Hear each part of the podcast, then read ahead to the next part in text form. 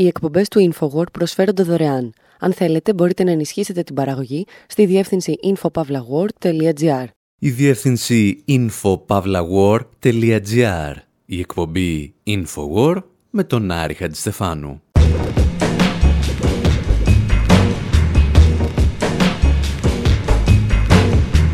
όπου σήμερα παρακολουθούμε το κινητό σας τηλέφωνο με τη βοήθεια του Πίγασου και του αδερφού του, του Χρυσάωρα.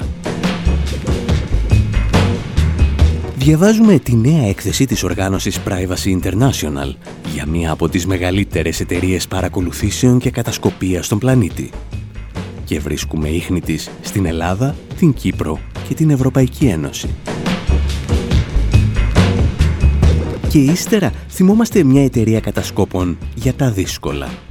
Τους ανθρώπους που θέλεις να καλέσεις εάν είσαι βιαστής ή τραπεζίτης για να καθαρίσουν τις ζημιές που έκανες. Συζητάμε δηλαδή για την ιδιωτικοποίηση του κράτους και του παρακράτους των μυστικών υπηρεσιών.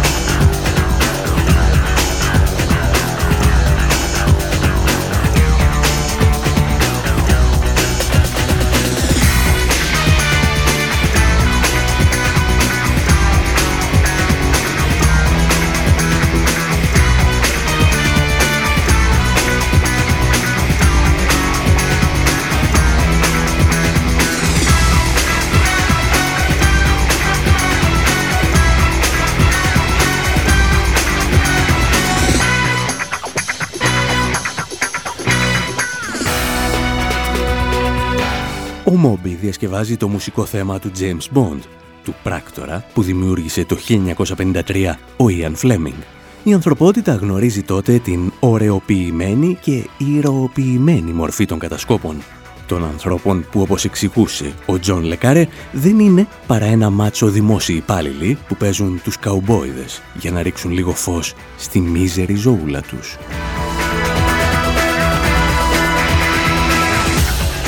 Εκεί, στις αρχές της δεκαετίας του 50 πάντως, η κατασκοπία γοητεύει το Hollywood.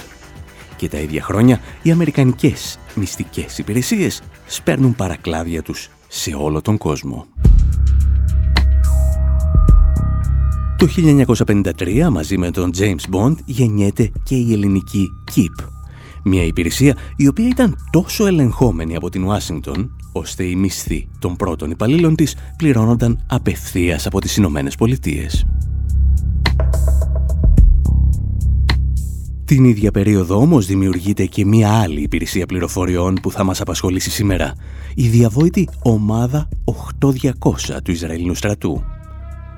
Η ομάδα ξεκινά τις παρακολουθήσεις χρησιμοποιώντας κάτι τεχνολογικές παλιατζούρες που τις πετάει σαν ξεροκόμματο το Αμερικανικό Πεντάγωνο. Μερικές δεκαετίες αργότερα όμως συναγωνίζεται επάξια την Αμερικανική NSA. Στην πραγματικότητα βέβαια η ομάδα λειτουργεί περισσότερο με τους όρους των εκβιαστών του υποκόσμου. Αυτό τουλάχιστον υποστήριξε παλαιότερα ο αναλυτής και συγγραφέας Sir Heather, μιλώντας στο Real News Network. The Unit 8200 is one of the most prestigious units uh, in the Israeli military and uh,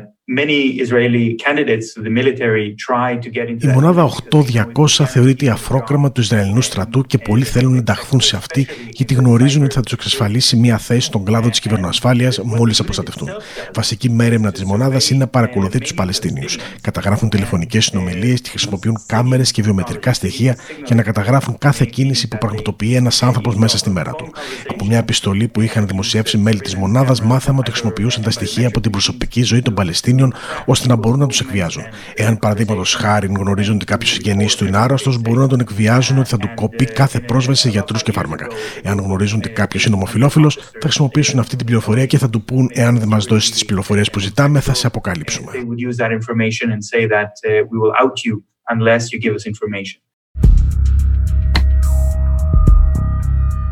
Λειτουργώντας λοιπόν στα όρια ανάμεσα στην προάσπιση του εθνικού συμφέροντος και του ρουφιάνου εκβιαστή, η συγκεκριμένη ομάδα του Ισραηλινού στρατού θα μετατραπεί σε φυτόριο δεκάδων εταιριών κατασκοπίας και τηλεπικοινωνιών.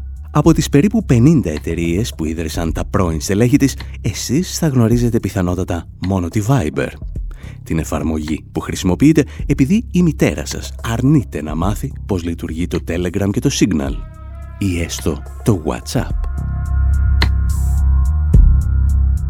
Εμάς όμως σήμερα μας ενδιαφέρει ένα άλλο κατασκοπευτικό τέκνο της ομάδας, η περιβόητη NSO και το λογισμικό Pegasus.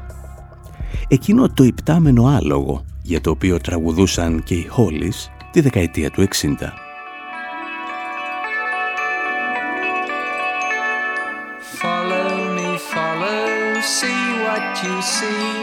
I'll take you somewhere you've never been.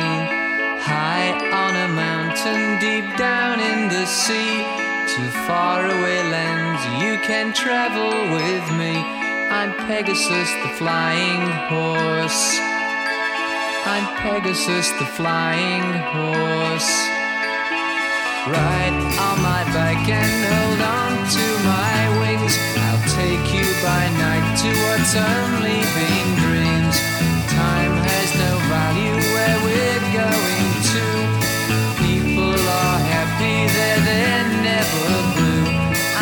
Pegasus the flying horse. I'm Pegasus the flying Οι Βρετανοί Χόλις υποστηρίζουν ότι είναι ο Πίγασος, το υπτάμενο άλογο, το οποίο είναι μια γενναία τοποθέτηση, αν σκεφτούμε ότι ο Πίγασος ήταν παιδί μιας οικογένειας με πολλά προβλήματα. Ο Πίγασος και ο αδερφός του, ο Χρυσάορ, γεννήθηκαν όταν έκοψαν το κεφάλι της Μέδουσας, την οποία Μέδουσα, αν θυμάστε, την είχαν τιμωρήσει επειδή τη βίασε ο Ποσειδώνας. Γιατί όταν στην Ελλάδα τιμωρούσαμε τα θύματα του βιασμού και όχι τους βιαστές, σε άλλες χώρες ακόμη τρώγανε κουκουνάρια. Σήμερα πάντως ο Πίγασος και ο Χρυσάορ δεν είναι γνωστοί μόνο ως μυθολογικά πλάσματα, αλλά και ως λογισμικό που επιτρέπει την παρακολούθηση κινητών τηλεφώνων. Ο Πίγασος για τα iPhone και ο Χρυσάορ για τα Android. Και μητέρα τους δεν είναι η τερατόμορφη Μέδουσα, αλλά η Ισραηλινή εταιρεία NSO. Την περασμένη εβδομάδα, τρεις κορυφαίες οργανώσεις, η Privacy International, η Διεθνής Αμνηστία και η ΣΟΜΟ, η οποία παρακολουθεί τη δράση πολυεθνικών, επιχείρησαν να ασχοληθούν πολύ σοβαρά με την υπόθεση NSO. Όπως θα δούμε, ανακάλυψαν ένα δεδαλώδες δίκτυο εταιριών που βρίσκονται πίσω από τη βιομηχανία κατασκοπίας. Εμείς πάλι επικοινωνήσαμε με την Ήλια Σιατίτσα, Διευθύντρια Νομικών Υποθέσεων της Privacy International και τη ζητήσαμε να μας εξηγήσει την κατάσταση από την αρχή. Καταρχήν, τι είναι αυτή η NSO? Η NSO είναι μια εταιρεία που πουλάει τεχνολογίες παρακολούθησης. Έγινε γνωστή το 2018 όταν το ερευνητικό κέντρο στον Καναδά, Citizen Lab, δημοψίευσε μια εκρηκτική που αποκάλυψε τη χρήση προϊόντων της εταιρείας σε τουλάχιστον 45 χώρες, συμπεριλαμβανομένης και της Ελλάδας. Το βασικό προϊόν το οποίο είναι γνωστή η εταιρεία NSO είναι το Pegasus Spyware. Είναι ένα λογισμικό κατασκοπίας που επιτρέπει στο χρήστη του λογισμικού να αποκτήσει έλεγχο του κινητού του τηλεφώνου όταν ο χρήστης του λογισμικού της εταιρείας αποκτήσει έλεγχο του κινητού, ε, υπάρχουν πάρα πολλά πράγματα που μπορεί να κάνει. Μπορεί να παρακολουθήσει τις συνομιλίες του χρήστη σε πραγματικό χρόνο, να ενεργοποιήσει κρυφά το μικρόφωνο της συσκευής ή την κάμερα ή την τεχνολογία εντοπισμού με βάση το GPS, ακόμα και αν εμείς το έχουμε κλείσει. Εκείνοι μπορούν μετά να το ενεργοποιήσουν χωρίς εμείς να το καταλάβουμε. Το κινητό μας λοιπόν, όταν δεχθεί την επίθεση του Pegasus, μετατρέπεται στον απόλυτο πληροφοριοδότη. Ορισμένοι ερευνητές μάλιστα υποστηρίζουν ότι όχι μόνο μας παρακολουθούν, αλλά συγκεντρώνουν όλους τους κωδικούς μας και μπορούν ακόμη και να αλλοιώσουν έγγραφα ή φωτογραφίες που έχουμε αποθηκευμένα. Η NSO βέβαια έχει μία απάντηση για όλα αυτά. Εμείς λέει απλώς πουλάμε το λογισμικό σε κυβερνήσεις. Το πώς το χρησιμοποιούν είναι δική τους υπόθεση. Η ίδια η εταιρεία ε, διατείνεται ότι πουλάει το λογισμικό της μόνο σε κυβερνήσεις και επίσης αποποιείται οποιασδήποτε ευθύνης για τη χρήση αυτού του λογισμικού λέγοντας ότι εμείς πουλάμε το λογισμικό μας ε, σε κυβερνήσεις ε, και μετά είναι ευθύνη των κυβερνήσεων για το πώς θα χρησιμοποιήσουν το λογισμικό και δεν μπορούμε να εγγυηθούμε ότι δεν θα χρησιμοποιηθεί για παράνομη παρακολούθηση. Η πραγματικότητα βέβαια είναι ελαφρώς πιο σύνθετη από αυτά που ισχυρίζεται η NSO. Ανάμεσα στα γνωστότερα θύματα του Πέγκασος δεν ήταν τρομοκράτες και μέλη του οργανωμένου εγκλήματος, αλλά δικηγόροι, ακτιβιστές και πάρα πολλοί δημοσιογράφοι. Αποκαλύφθηκε ότι, για παράδειγμα, δημοσιογράφοι και οργανώσεις στο Μεξικό που ασχολούνται με θέματα που σχετίζονται με τη διαφθορά είχαν στοχευθεί συστηματικά από το λογισμικό της εταιρείας, συμπεριλαμβανομένης και μιας τηλεοπτικής προσωπικότητας και δημοσιογράφου που λέγεται Κάρμεν Αριστέγγι και του γιού της, ο οποίος ήταν ανήλικος την περίοδο στην οποία στόχευσαν το κινητό του. Στο Μεξικό λοιπόν κάποιος παρακολουθούσε μία δημοσιογράφο η οποία ερευνούσε το οργανωμένο έγκλημα και τους ναρκέμπορους. Από αυτούς τους δημοσιογράφους δηλαδή που στην Ελλάδα τους εκτελούν μέρα μεσημέρι και ο Πρωθυπουργός ξεχνά να καταδικάσει την επίθεση για τουλάχιστον 24 ώρες. Οι ύποπτες υποθέσεις όμως, στην υπόθεση Pegasus και NSO, είχαν και συνέχεια. Ανάμεσα στις ε, γνωστότερες υποθέσεις που σχετίζονται με τη χρήση αυτού του λογισμικού ή που υποθέτουμε ότι σχετίζονται, γιατί δεν υπάρχει ακόμα κάποια δικαστική απόφαση που να επιβεβαιώνει ε, την, τις καταγγελίες. Ο Μάρ Αμπτουλαζής, ένας ε, ακτιβιστής από την Σαουδική Αραβία, κατέθεσε και αυτό με τη σειρά του ε, μήνυση κατά της NSO Εκείνο που έχει πολύ ενδιαφέρον στην περίπτωση του Ομάρ είναι ότι ο Ομάρ Αμπτουλαζής ε, ήταν ε, στενός συνάδελφος ε, και του δολοφονημένου δημοσιογράφου Τζαμάλ Κασόγκη, με τον οποίο είχε τακτικές επαφές μέσω του κινητού του. Τον Κασόγκη, αν θυμάστε, τον εκτέλεσαν και τον τεμάχισαν με ένα πριόνι με εντολή του ανώτατου άρχοντα της Σαουδικής Αραβίας μιας χώρας με την οποία, όπως μας έμαθε και ο Έλληνας αρχηγός ΓΕΘΑ στρατηγός Κωνσταντίνος Φλόρος, μοιραζόμαστε τις ίδιες αξίες.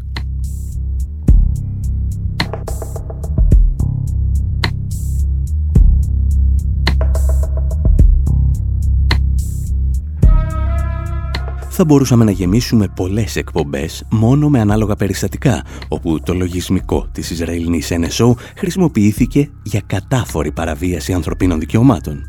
Η πρόσφατη έκθεση όμως των τριών οργανώσεων φέρνει στο φως και μία άλλη πολύ ενδιαφέρουσα πτυχή του ζητήματος.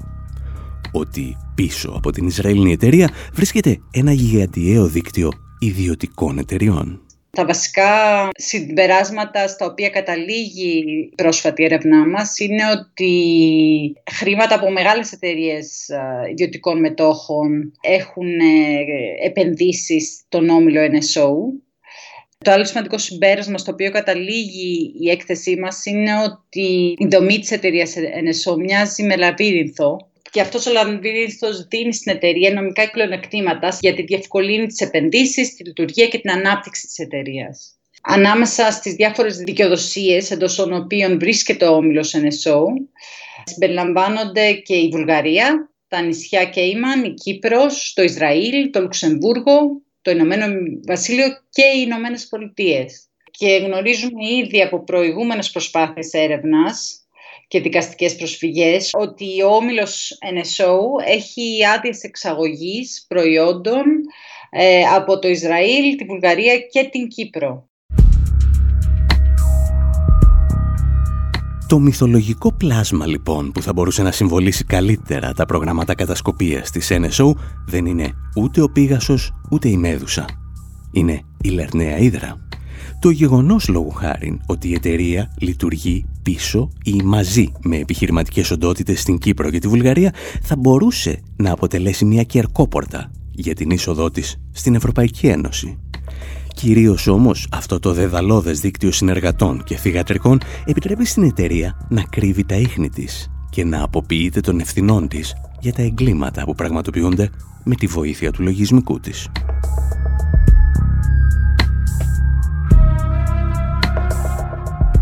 Και κάπου εδώ μπαίνουμε στα βαθιά νερά, όπου το κράτος συναντά το ιδιωτικοποιημένο παρακράτος των μυστικών υπηρεσιών. Και στο δεύτερο μέρος εκπομπής θα θυμηθούμε μια ανάλογη ιστορία.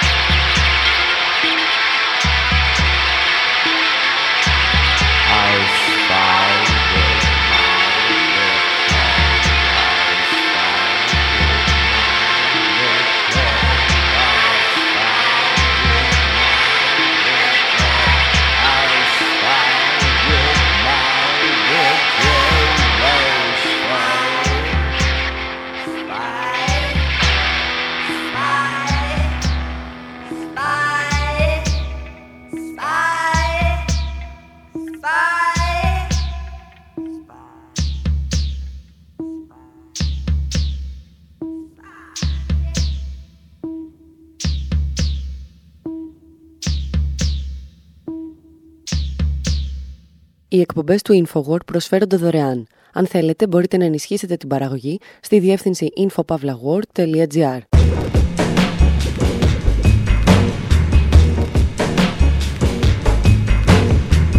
Εκπομπή InfoWord, μέρος δεύτερο. Όπου ανοίγουμε τον μαύρο κύβο των ιδιωτικών εταιριών κατασκοπίας και βρίσκουμε κρυμμένους μέσα κάτι βιαστές και μερικούς τραπεζίτες παρατηρούμε μια επιχείρηση που γεννήθηκε στη σκιά της Ισραηλινής Μοσάντ να επεκτείνεται σε όλο τον κόσμο. Το κλειδί της υπόθεσης όμως έχει ο Βιβάλντι.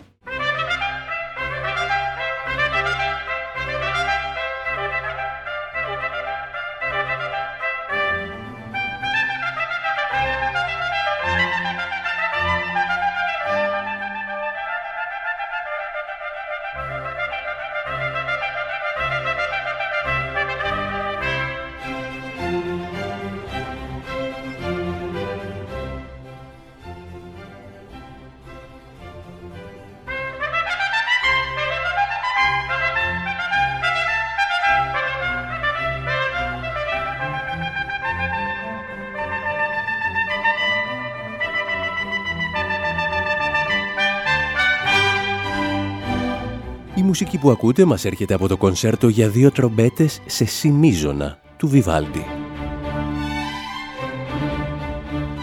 Και η μόνη σχέση του με τη σημερινή εκπομπή είναι ότι το συγκεκριμένο κομμάτι ακούγεται στην ταινία «Όλοι οι άνθρωποι του Προέδρου» για την αποκάλυψη του σκανδάλου Watergate.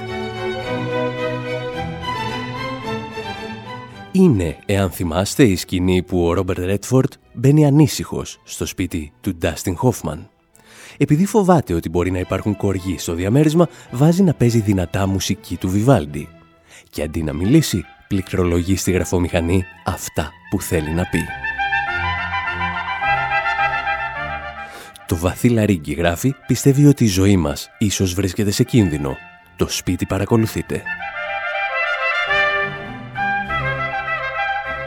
Η ιστορία όμως παίζει περίεργα παιχνίδια και η ταινία «Όλοι οι άνθρωποι του Πρόεδρου» επανήλθε στην επικαιρότητα με έναν μάλλον περίεργο τρόπο. Πριν από περίπου ένα χρόνο, η Αν Νόρις, πρώην αξιωματούχος του State Department, έλαβε ένα περίεργο email στον υπολογιστή της. Μια εταιρεία παραγωγής που άκουγε στο όνομα Cell Productions ζητούσε τη βοήθειά της για τα γυρίσματα μιας νέας ταινίας για το Λευκό Οίκο θα είναι, της είπαν, κάτι ανάμεσα στο όλοι οι άνθρωποι του Προέδρου και το West Wing. Η Νόρις δεν απάντησε ποτέ και όπως αποκάλυψε πρόσφατα το περιοδικό New Yorker έκανε πολύ καλά. Γιατί ο αποστολέας του email δεν εργαζόταν για κάποια εταιρεία παραγωγής αλλά για μία από τις μεγαλύτερες ιδιωτικές εταιρείες πληροφοριών του πλανήτη. Και αυτό που πραγματικά ζητούσε δεν ήταν η βοήθεια της Αν Νόρις, αλλά πληροφορίες για τον σύζυγό της, τον πρώην σύμβουλο του Ομπάμα για θέματα εξωτερικής πολιτικής, Ben Rhodes. Μας τα εξηγούσε προημερών το Democracy Now! The Israeli private intelligence agency, known as Black Cube, was hired to orchestrate a dirty ops campaign. Η Ισραηλινή ιδιωτική εταιρεία πληροφοριών Black Cube ανέλαβε να οργανώσει μια βρώμικη επιχείρηση εναντίον αξιωματούχων της κυβέρνησης Ομπάμα που ασχολούνταν με τη συμφωνία για το πυρηνικό πρόγραμμα του Ιράν. Η Black Cube στελεχώνεται από πρώην αξιωματούχους της Mossad και άλλων Ισραηλινών υπηρεσιών. Πρόκειται για την ίδια εταιρεία που προσέλαβε ο παραγωγός του Hollywood Harvey Weinstein για να να εμποδίσει την κυκλοφορία άρθρων που αποκάλυπταν τα περιστατικά σεξουαλικής παρενόχλησης.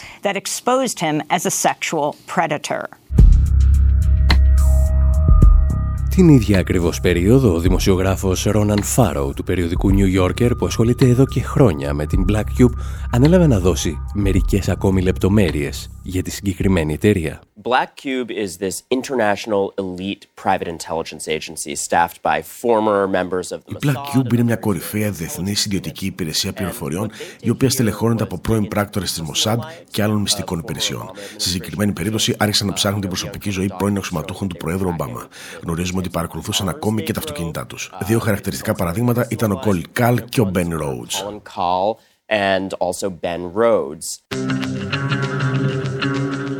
Ο Τραμπ λοιπόν κατηγορείται ότι προσέλαβε πρώην πράκτορες Ισραηλινών μυστικών υπηρεσιών που σήμερα εργάζονται στην ιδιωτική εταιρεία πληροφοριών Black Cube και που έστρεψε εναντίον Αμερικανών αξιωματούχων με στόχο να χτυπήσει τη συμφωνία για το πυρηνικό πρόγραμμα του Ιράν. Εμάς πάλι δεν μας ενδιαφέρει τόσο ότι η Black Cube στελεχώνεται από Ισραηλινούς πράκτορες όσο το ότι αποτελεί το μέλλον σε μια αγορά δεκάδων δισεκατομμυρίων δολαρίων. Εκεί όπου οι μυστικές υπηρεσίες συνεχίζουν να εργάζονται για λογαριασμό κρατών, χωρίς όμως να ανήκουν σε αυτά. Θα τα συζητήσουμε ευθύς αμέσως, παρακολουθώντας τις πιο συναρπαστικές ιστορίες ιδιωτικής κατασκοπίας. Meet me at the hotel room. I'm holding an audition. I'll get you a drink or two. So you can start relaxing. I think you're so talented. I want to help you get ahead. If you just do one thing for me, can you imagine who you could be? Girl, just imagine who you could be. Me too, I've been there before.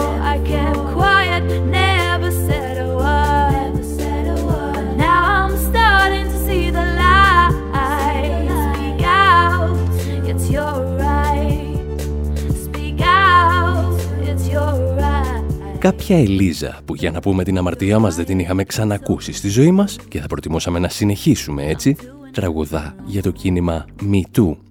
Το κίνημα που γεννήθηκε ύστερα από τις καταγγελίες περί σεξουαλικής παρενόχλησης και βιασμών εναντίον του παραγωγού του Hollywood, Harvey Weinstein. Ο Weinstein έγινε σύμβολο της ανδρικής χιδεότητας στη βιομηχανία του θεάματος και κανένας δεν θέλει να του στερήσει αυτόν τον τίτλο. Ο ίδιος σκέφτηκε ότι θα μπορούσε να κερδίσει τη μάχη αναθέτοντας σε μια ιδιωτική εταιρεία κατασκόπων να τον προστατεύσει. Η είδηση εδώ όμως είναι το ποιος παρέπεμψε στην Ισραηλινή εταιρεία Black Cube. Moving now to the latest on the Harvey Weinstein rape investigations and this bizarre connection Συνεχίζουμε το πρόγραμμα με τα νεότερα από τις καταγγελίες εναντίον του Harvey Weinstein περί βιασμού και την περίεργη σύνδεσή του με το Ισραήλ. Γνωρίζουμε ότι ο Weinstein προσέλαβε μια ομάδα από πρώην πράκτορες του Ισραήλ για να ρίξει λάσπη σε όσους τον κατηγορούσαν για βιασμούς. Μαθαίνουμε όμως ότι ο άνθρωπος που του πρότεινε αυτή την εταιρεία ήταν ο πρώην πρωθυπουργός του Ισραήλ, Ehud Barak.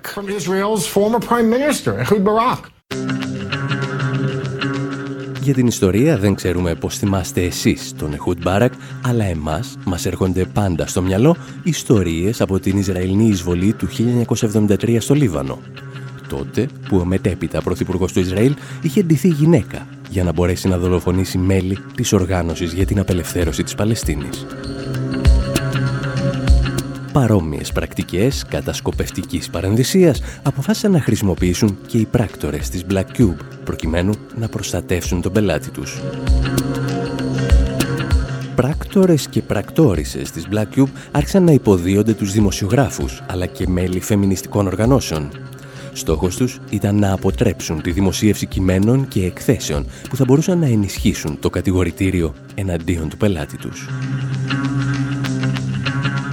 Την επόμενη φορά λοιπόν που θα θέλησετε να ρίξετε λάσπη σε όσους σας κατηγορούν για βιασμούς ή εάν απλώς θέλετε να τεινάξετε στον αέρα μια ειρηνευτική διαδικασία στη Μέση Ανατολή, ξέρετε ποιους θα καλέσετε. Οι ιστορίες όμως της Black Cube δεν σταματούν εδώ. Γιατί ανάμεσα στις πολλές δουλειές που ανέλαβαν οι πρώην πράκτορες της Mossad, κάποιες σχετίζονταν με την κατάρρευση του τραπεζικού συστήματος στην Ισλανδία.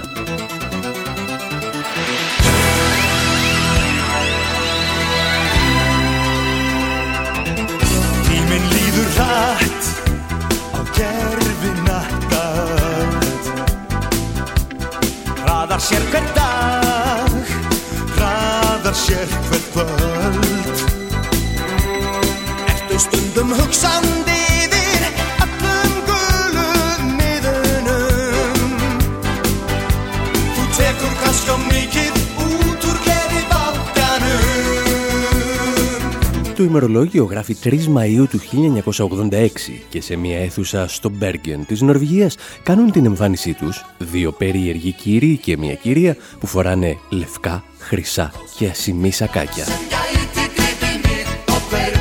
Η μυστηριώδης Τρόικα άκουγε στο όνομα Icy. Ήταν το συγκρότημα που είχε επιλεγεί να εκπροσωπήσει την Ισλανδία στο διαγωνισμό τραγουδιού της Eurovision.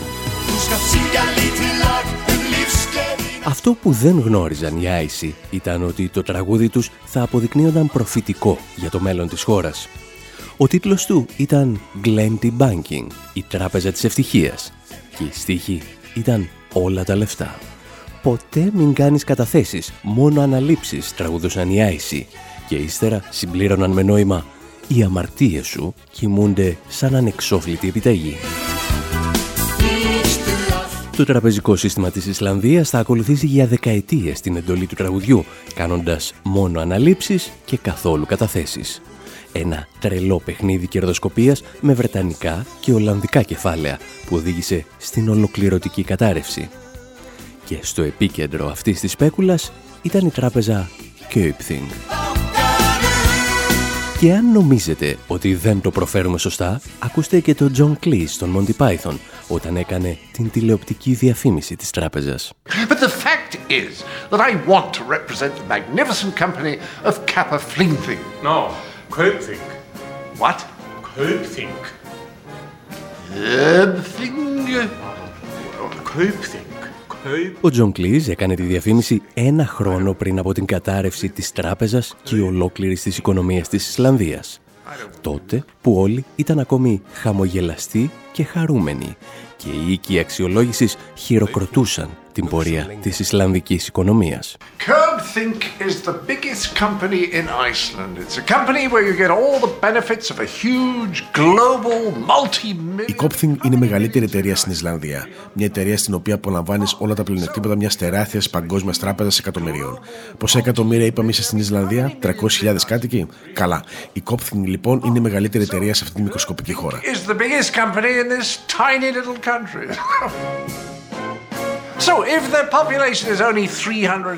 Και αν ο πληθυσμός σας είναι μόνο 300.000, γιατί κάνουμε αυτά τα ρυθμιστικά; Γιατί δεν τους παίρνετε όλους ένα τηλέφωνο; Pick up the phone and give everyone a call.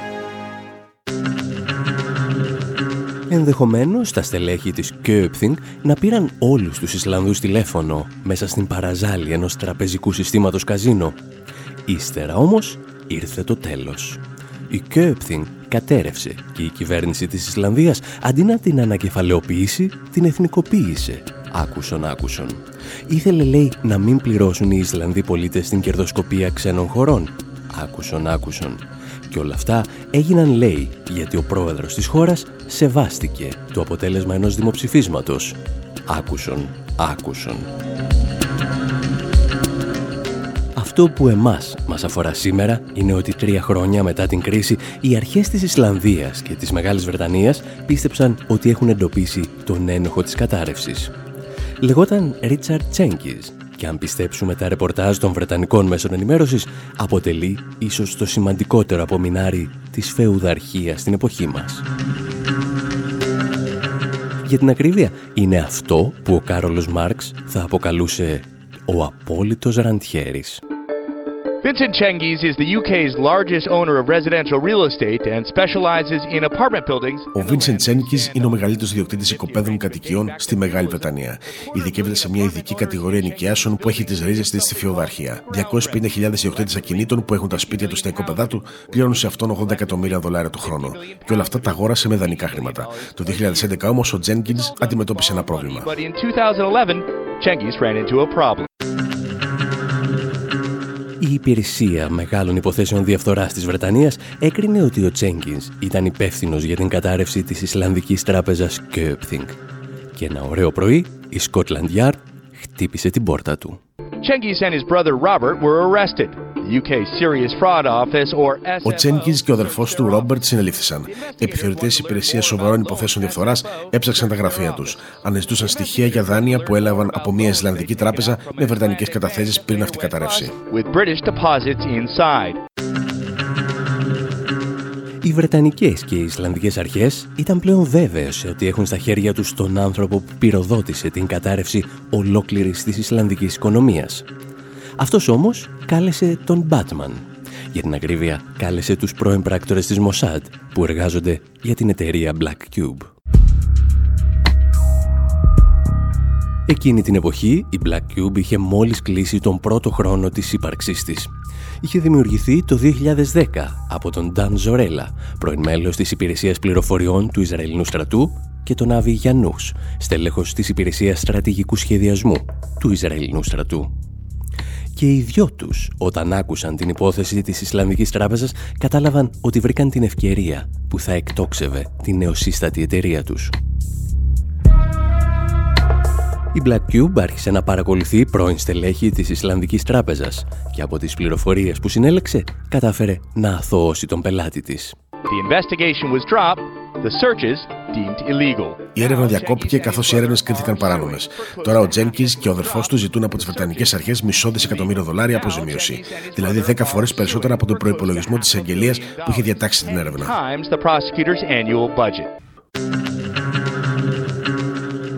Όπως αποκάλυψαν τα στελέχη της εταιρείας σε συνέντευξή τους στην έκδοση Forbes του Ισραήλ, τα μέσα που μετέρχονται για να συγκεντρώσουν πληροφορίες μοιάζουν βγαλμένα από βιβλία κατασκοπευτικών μυθιστορημάτων.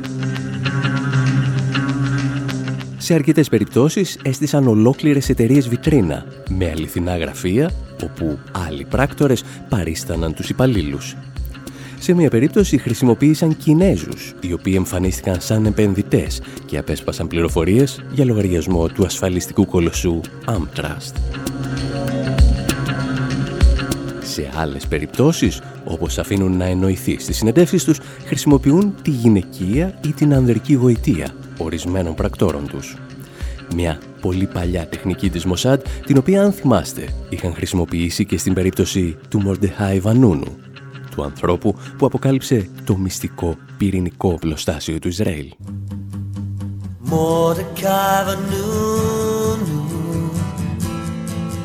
Said Israel, don't drop the bomb. Mordecai, Israel, Mordecai Vanunu. Keep your resistance strong. Mordecai, Israel, the nuclear research station underground. The written word that Mordecai found, all printed out in black and white. With enough plutonium to build the bomb statements to the contrary not withdrawn. Mordecai took it to the world outside.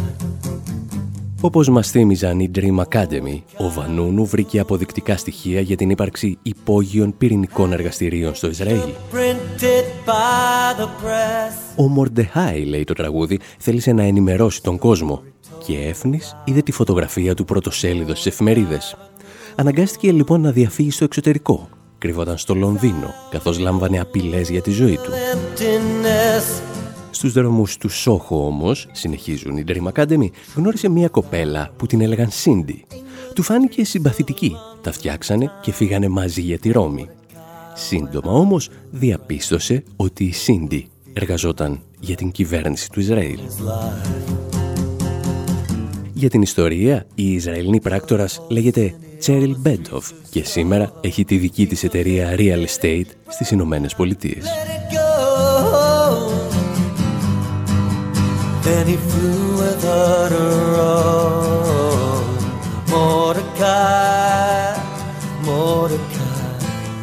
wasn't alone when he discovered that Worked for the government Mordecai, Mordecai. was chained up and attacked by agents of his government.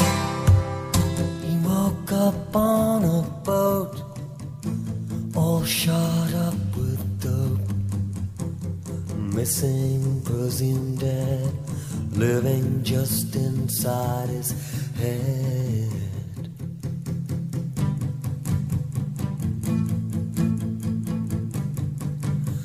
Until he turned up in Tel Aviv on matters of state security in the back of a police van. But he had a message written on the palm of his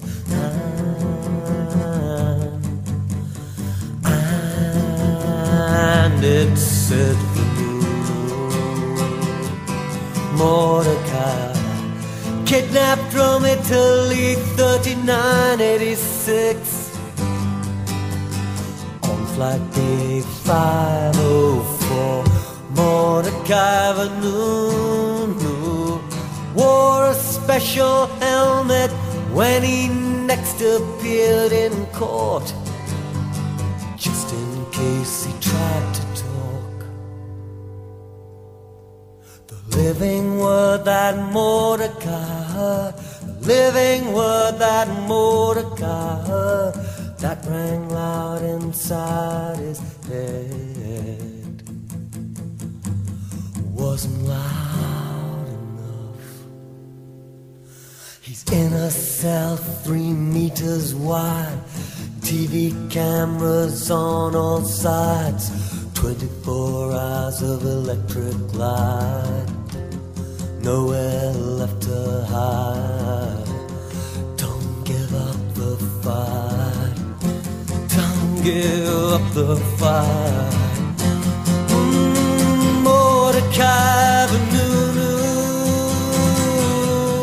Η Black Cube λοιπόν αποτελεί ένα ακόμη παράδειγμα ιδιωτικοποίησης υπηρεσιών που μέχρι σήμερα ανήκαν στο κράτος και ενίοτε στο παρακράτος. Και όπως μάθαμε και από την εταιρεία μισθοφόρων Blackwater, αυτή η σχέση προσφέρει ένα εξαιρετικό πλεονέκτημα. Τα κράτη αναθέτουν τις πιο βρώμικες δουλειές σε υπεργολάβους, σε ιδιώτες και έτσι δεν παραβιάζουν το διεθνές δίκαιο.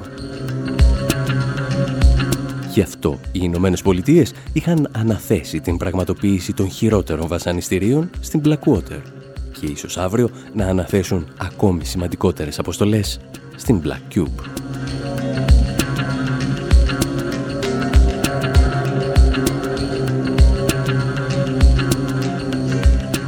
Κάπου εδώ όμως, εμείς λέμε να σας αφήσουμε και για αυτή την εβδομάδα. Μέχρι πάντως το επόμενο ραδιοφωνικό ραντεβού μας, από τον Άρη Χατζηστεφάνου στο μικρόφωνο και τον Δημήτρη Σαθόπουλο στην τεχνική επιμέλεια, γεια σας και χαρά σας.